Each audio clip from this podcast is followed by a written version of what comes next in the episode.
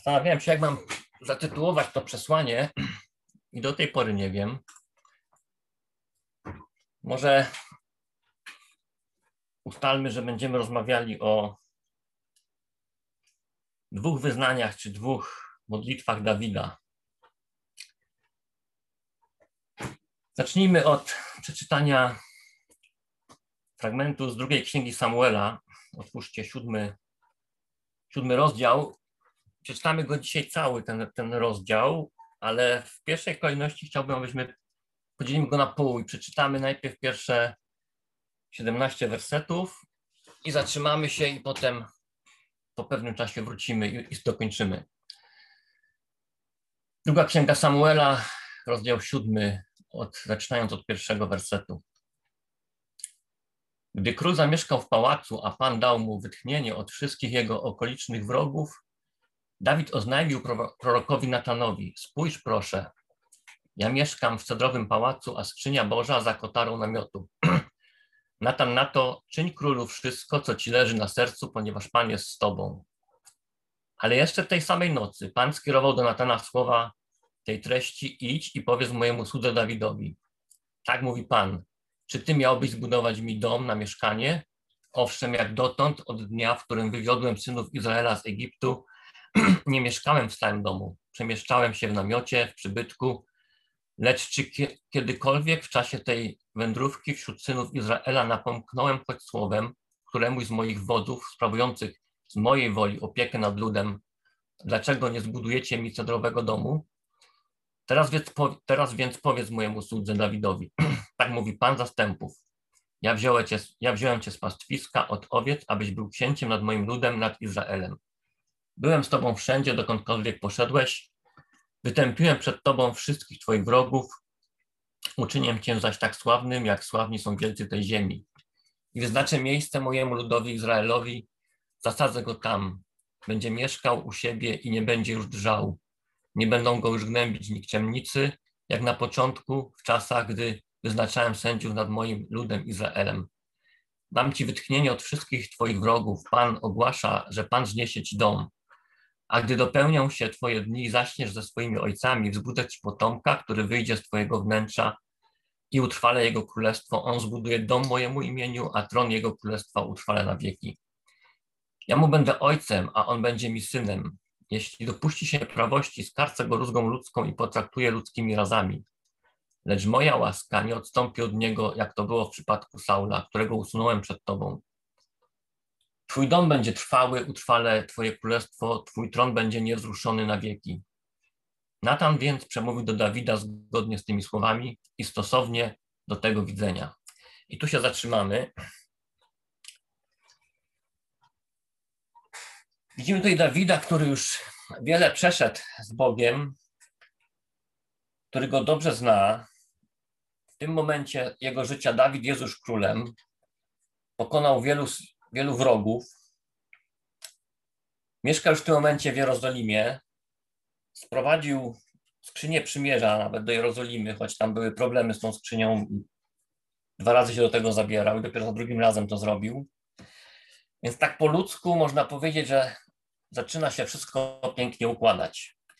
I wtedy pojawia się u Dawida ta myśl, ten pomysł, że skoro tak wszystko jest dobrze, to jest pora na to, aby zbudować dom dla Pana, bo mimo, że on już ma swój pałac i mieszka w pałacu, to skrzynia Pana nadal jest przechowywana w namiocie. I tak po ludzku myśląc, no właściwy wniosek i właściwy pomysł. Co więcej, to ciekawa taka rzecz, to nie jest temat naszego przesłania, ale taka myśl mi się tutaj pojawiła, że zauważcie, że prorocy to są zwykli ludzie. Kiedy mówią od siebie, to czasami to też potrafią się pomylić, bo to swoje wyznanie Dawid składa przed Natanem, prorokiem, i, na, i co mówi Natan? Wysłuchawszy tego, co Dawid ma do powiedzenia, kiedy usłyszał ten pomysł, to Natan mówi: czyń, co leży ci na sercu.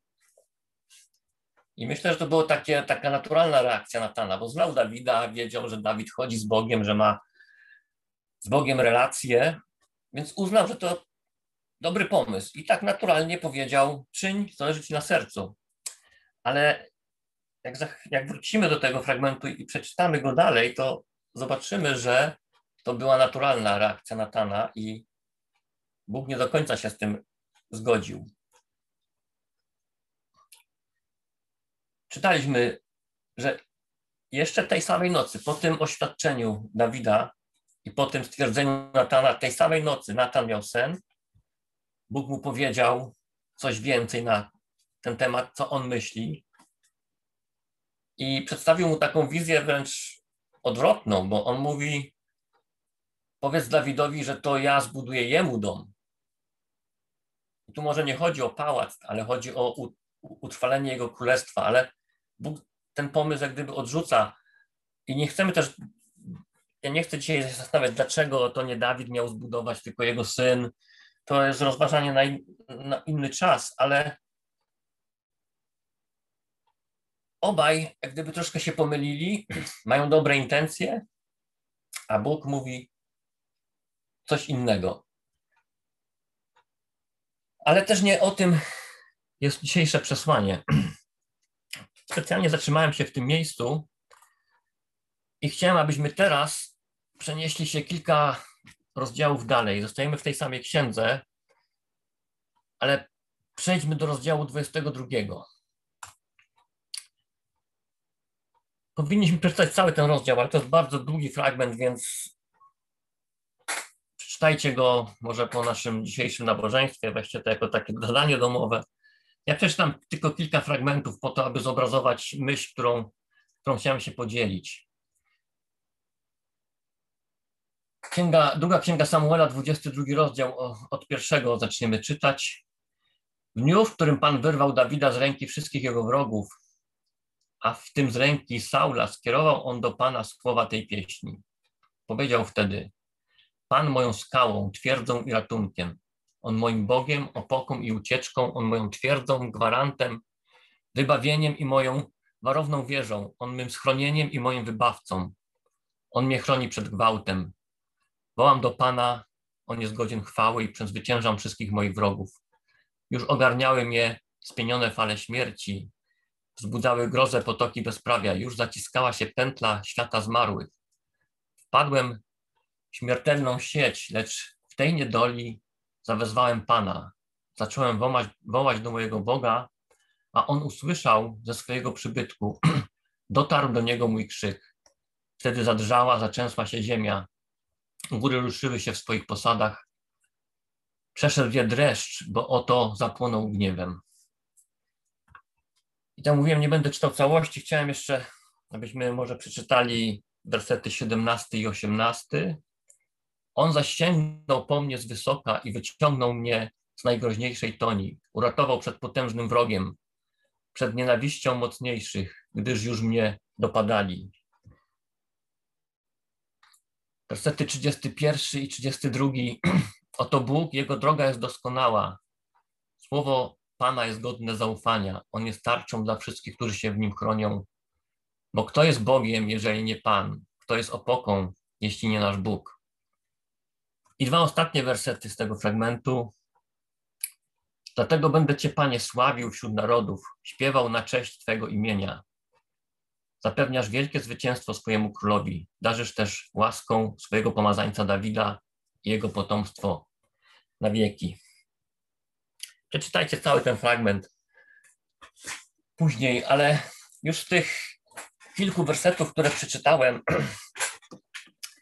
widzimy, że jest to taki szczególny moment i też takie szczególne wyznanie Dawida na temat jego relacji z Bogiem, na temat Boga. Są to takie piękne słowa, bardzo wzniosłe. Takie mam nawet wyobrażenie, są takie, to są takie strzeliste słowa, jak, jak jakieś wieże katedr, które ludzie budowali po to, aby też właśnie pokazać potęgę Boga, oczywiście w swój niedoskonały sposób. Czy też te słowa brzmią jak tak dźwięk może takiego potężnego dzwonu. My mamy w Krakowie ten słynny dzwon Zygmunta i on brzmi wtedy, kiedy dzieje się coś szczególnego, kiedy jest ogłaszana jakaś dobra wieść, albo może też złe wieści, najczęściej na jakieś święta czy szczególne wydarzenia. Wtedy słyszymy ten potężny dźwięk i jest on taki przejmujący dla wszystkich. I te słowa, które tutaj przeczytaliśmy, one tak brzmią dla mnie, tak wzniośle, potężnie, są jak taka strzelista katedra. Podobne słowa znajdujemy w psalmach. Psalmy brzmią bardzo podobnie. Oczywiście część z nich też napisał Dawid, więc to może nie dziwić, ale psalmy są pełne uwielbienia, pełne zachwytu nad Bogiem, też zawierają słowa pokory, prośby o ratunek, ale właśnie pełne takiego uniżenia, prośby o wyrwanie z ręki wroga, są skoncentrowane na wielkości Boga, na Jego majestacie, na Jego wszechmocy. I tutaj pojawia się takie pytanie, kto i kiedy może wypowiedzieć takie słowa, ale chodzi mi o to, w jakich okolicznościach, jak to zrobić, bo każdy może te słowa powiedzieć, ale jak to zrobić, żeby one były tak jak w ustach Dawida, żeby były szczere, żeby były autentyczne, żeby wyrażały prawdziwe uwielbienie dla Boga. Bo myślę, że zgodzicie ze mną, że mamy taką tendencję i pewnie ludzie w tamtych czasach, którzy żyli z Dawidem również, nasza taka ludzka słabość, że jesteśmy dość dobrzy w deklaracjach i potrafimy składać piękne deklaracje, tylko właśnie to pytanie, które postawiłem, kto i kiedy może powiedzieć takie słowa, dotyczyło właśnie tego. Jak to powiedzieć, kiedy powiedzieć, żeby to nie były puste deklaracje, żeby to nie były stwierdzenia teoretyczne, stwierdzenia, które mówimy, bo może wypada tak powiedzieć, bo mamy tak zwyczaju mówić, kiedy się spotykamy, żeby one nie zawierały stwierdzeń, które nam się wydaje, że Bóg chciałby usłyszeć, które nam się wydaje, że powinny paść w tym miejscu, żeby inni je usłyszeli, ci, którzy są wokół nas.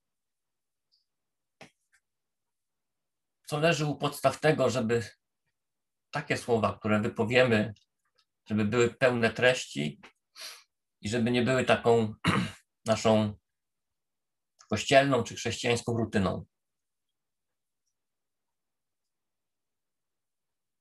Bo nawet Dawid, tak jak wspomniałem o tym błędzie jego, czy błędzie czy złym mniemaniu, on myślał, że należy do jego zadania postawić dom dla Boga. Jego prorok też tak myślał, a Bóg to koryguje.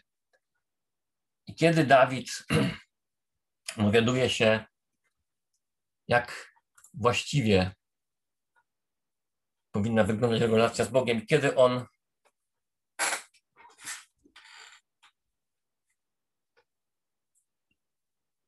tak nabiera przekonania i kiedy jego serce zbliża się do Boga, kiedy potem może, co, co leży u podstaw tego, że on potem może wypowiedzieć takie słowa. I tutaj chciałbym, abyśmy wrócili z powrotem do, do siódmego rozdziału drugiej Samuela i przeczytamy to, co się wydarzyło w kolejnych wersetach. Zaczniemy od osiemnastego wersetu. Wtedy król Dawid przyszedł i usiadł przed obliczem Pana. Kim ja jestem, wszechmocny Panie, powiedział. Czym jest mój ród, że doprowadziłeś mnie aż dotąd? Ale i to uznałeś za niewiele, wszechmocny Panie, skoro zapowiedziałeś rodowi swojego sługi odległą przyszłość, rozstrzygnąłeś tak, wszechmocny Panie, względem mnie, człowieka. Co jeszcze może Ci powiedzieć, Dawid? Ty bowiem znasz swojego sługę, wszechmocny Panie. Ze względu na swoje słowo i według swojej woli uczyniłeś tę wielką rzecz, aby pouczyć swojego sługę. Dlatego wielki jesteś, wszechmocny Panie. Owszem, nikt nie jest taki jak Ty. Nie ma Boga oprócz Ciebie. Nie słyszeliśmy o nikim podobnym, bo który lud jest taki jak Twój lud, jak Izrael?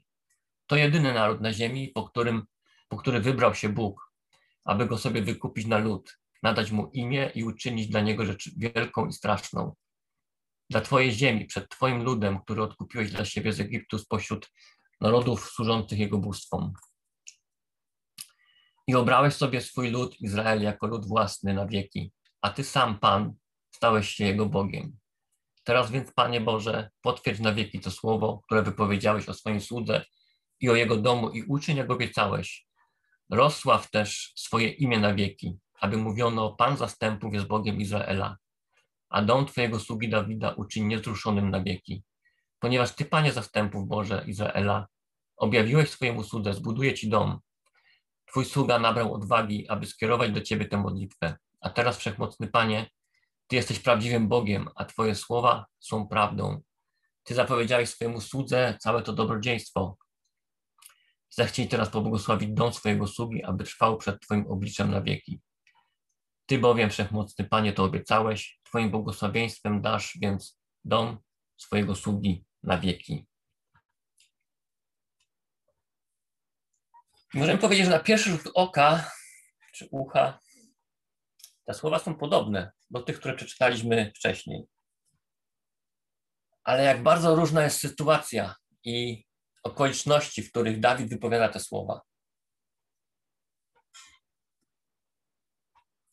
To nie dzieje się na forum.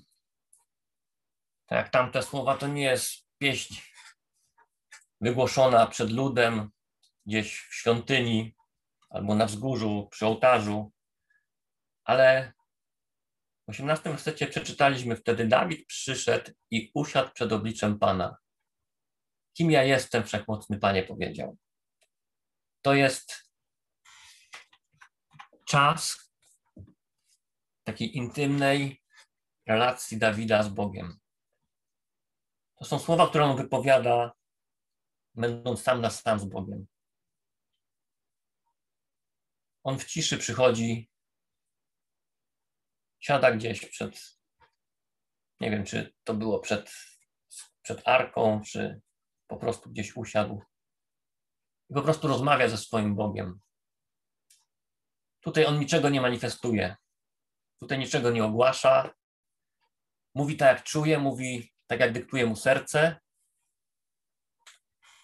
wie, czego doświadczył i te doświadczenia z Bogiem, ten czas z Bogiem, który przeszedł, te wszystkie błogosławieństwa sprawiają, że w pokorze staje przed swoim Bogiem. Dziękuję mu za to, dziękuję mu za to, że do tej pory go prowadził. Dziękuję za to, co usłyszał na temat swojej przyszłości. On mówi po prostu tak, jak mu dyktuje serce. I tak sobie pomyślałem, że żeby móc wypowiedzieć, zamanifestować tak oficjalnie w kościele przed innymi, tak to Dawid zrobił w tym swoim hymnie, czy w psalmach robił swoją relację z Bogiem, swoje wywyższenie dla Boga, swoje uniżenie, żeby móc to zrobić tak na forum, to nie można tego zrobić nie mając tych spotkań osobistych, szczerych, tych sytuacji sam na sam z Bogiem, kiedy z Nim rozmawiamy i kiedy On do nas mówi. Bez tych, bez tych chwil te nasze hymny będą tylko deklaracjami, które potrafimy wypowiedzieć, bo poznajdujemy takie wzory w Słowie Bożym, bo wchodząc do kościoła, słysząc innych, którzy modlą, którzy, którzy się modlą wokół nas, którzy coś mówią, możemy te słowa powtórzyć, zawzorować się, ale żeby to miało moc i żeby to było prawdziwe i żeby to oddało Bogu chwałę, to musi płynąć z serca. Ta relacja nie była dana tylko Dawidowi. Kolejna postać, która pojawia się na księgach Biblii, czyli jego syn Salomon, miał podobne spotkanie z Bogiem. Nie będziemy już czytać tego fragmentu, ale znacie go, możecie sobie później zaglądnąć do pierwszej Księgi Królewskiej, do trzeciego rozdziału, wersety od 5 do 12 mówią o o tym śnie, kiedy Salomon usnął i ukazał mu się Pan i zapytał go, czego pragnie. I, i Salomon poprosił, jak wiemy, nie o bogactwo, nie o sławę, ale poprosił o to, aby Bóg go uzdolnił do kierowania jego ludem i to się Bogu spodobało, że on prosi o, o mądrość, o roztropność i wiemy, że dał mu to, o co prosi i oczywiście wszystko jeszcze i znacznie więcej i o to, co nie prosił, czyli bogactwo, sławę również dostał. Można pomyśleć, że bo sam Salomon myślę, że był w pewnym sensie na początku może nie do końca wiedział, co się wydarzyło, bo to się wydarzyło we śnie, ale dość szybko się przekonał, że to nie był sen, że to było spotkanie z Bogiem, bo czytamy, kiedy już zaczął po tym śnie sprawować swoją służbę, to czytamy o tym, że był pełen mądrości i jego rozstrzygnięcia były, były dobre, były miłe Bogu i przede wszystkim były takie, że często wprawiały w zdziwienie tych, którzy byli świadkami jego sądów. I możecie tak sobie pomyśleć, ok, fajnie,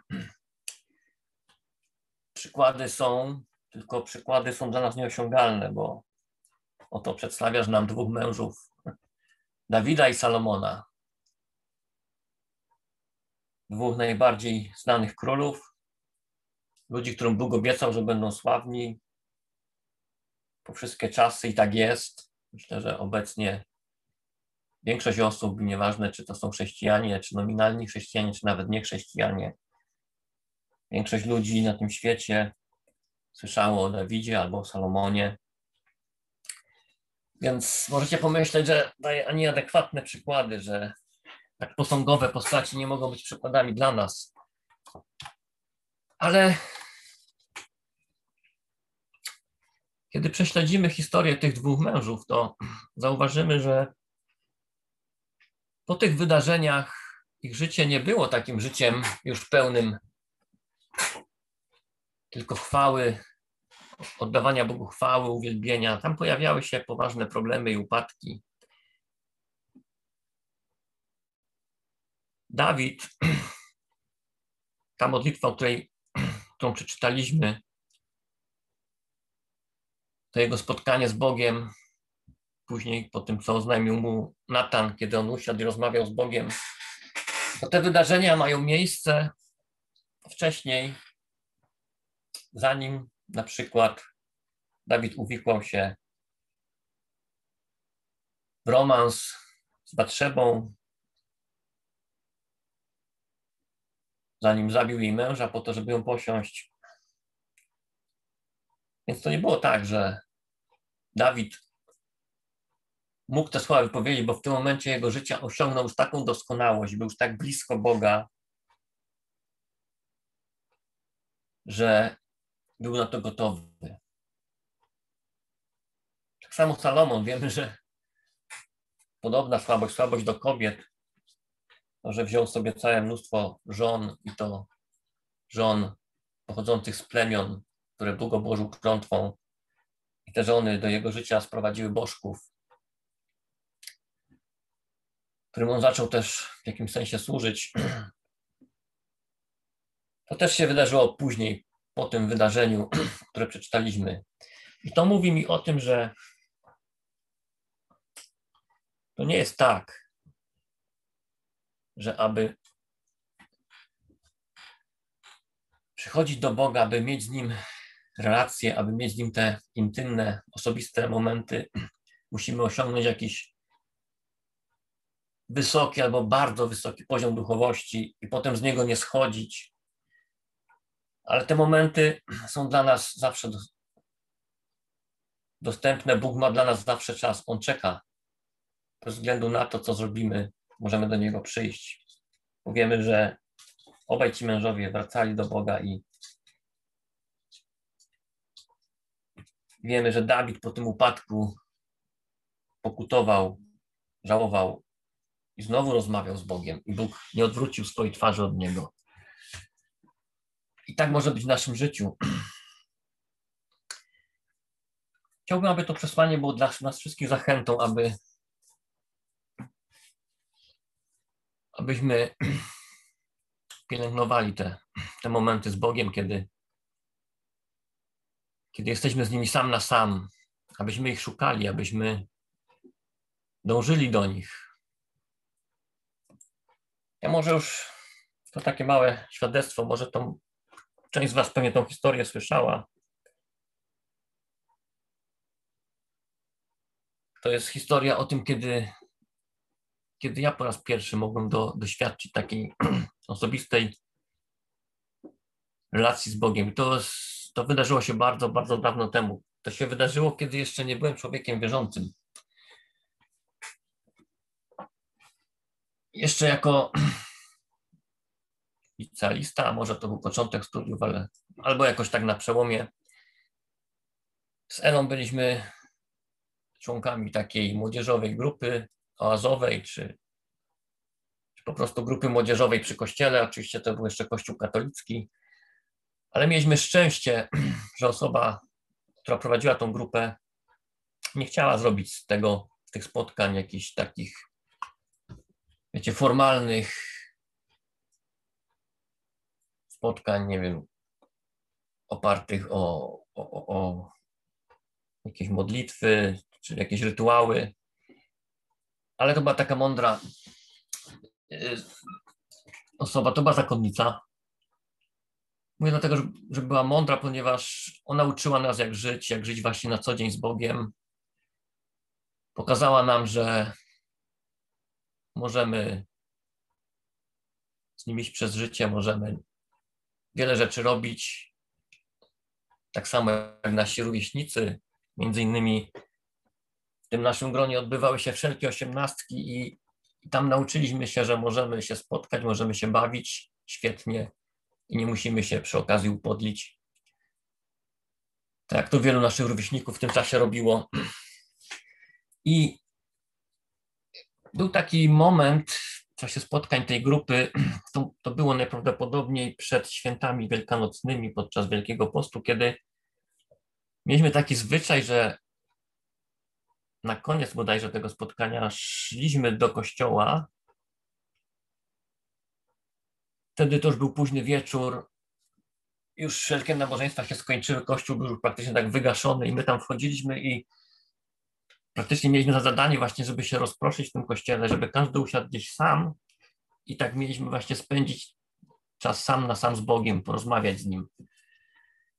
I, i ja nie wiedziałem za bardzo, jak to robić, ale podczas jednych, jednego z tych spotkań, kiedy tak siedziałem i zastanawiałem się, co ja mogę zrobić, jak spotkać tego Boga, pamiętam to doskonale, bo poczułem, nie, nie usłyszałem żadnych słów, ale poczułem namacalnie, fizycznie, wręcz, że obecność Boga, tak jakby się ktoś, siedziałem w tej ławce, tak jakby się ktoś koło mnie przysiadł, przyjaciel, ktoś ważny i przez chwilę czułem, że siedzę ja w tej ławce i obok siedzi on. I to było wszystko.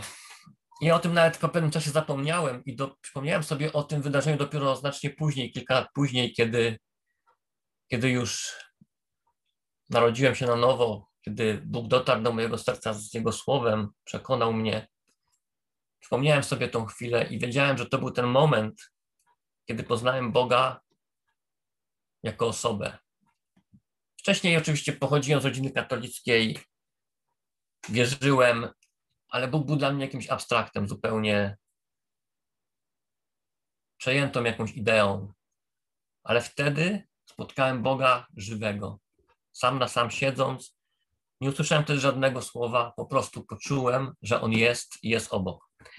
I to było wydarzenie, które jestem przekonany, że otworzyło moje serce, że kiedy kilka lat później nasz kolega, który się wcześniej narodził na nowo, zaczął głosić nam Ewangelię, to ja byłem gotowy słuchać i wiedziałem, że, że jest ten Bóg, ten, ta osoba, która jest zainteresowana moim życiem. I teraz też czekam na takie spotkania z Bogiem. Najczęściej one mają miejsce, kiedy, kiedy czytam Słowo Boże, kiedy się zastanawiam, co Bóg chciał mi powiedzieć, to często właśnie pojawia się ta Jego obecność i myślę, że wiecie, o czym mówię, że mogą być takie sytuacje, kiedy czytacie Słowo Boże, że coś zrozumieliście i wiecie, że po prostu zrozumieliście, jest to suma waszych doświadczeń, wysłuchanych kazań, waszych przemyśleń.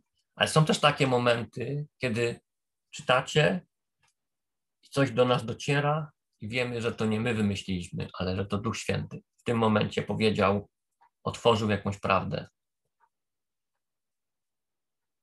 Chciałbym nas zachęcić wszystkich, abyśmy tych momentów szukali, o nie zabiegali, abyśmy chcieli, aby było ich jak najwięcej, po to, żeby później, kiedy się spotykamy razem, żeby te słowa, które wygłaszamy, będąc w społeczności, kiedy rozmawiamy ze sobą, żeby one nie były deklaracjami, jakimiś pustymi słowami, ale żeby to były deklaracje płynące z głębi naszych serc, z głębi naszych przekonań, żeby to były deklaracje naszej miłości do Boga, do naszego Zbawiciela. Mam nadzieję, że to zachęci nas wszystkich. Panie, dziękuję za to, że Ty nie jesteś odległą ideą, nie jesteś jakimś abstraktem, ale jesteś Bogiem, osobą, żywym Bogiem, który chce być zaangażowany w nasze życie, który chce, abyśmy stawali przed Tobą, siadali, Panie, w Twojej obecności, tak jak Dawid, otwierali nasze serca, Panie, mówili albo słuchali, przyjmowali to, co Ty chcesz nam powiedzieć, Panie.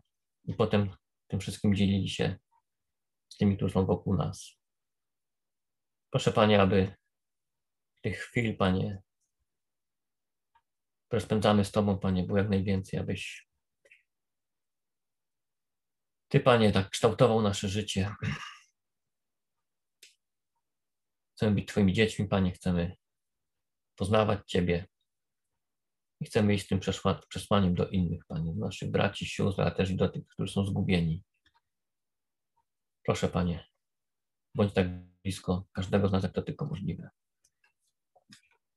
Twoim świętym imieniu, Panie, się modlę. Amen.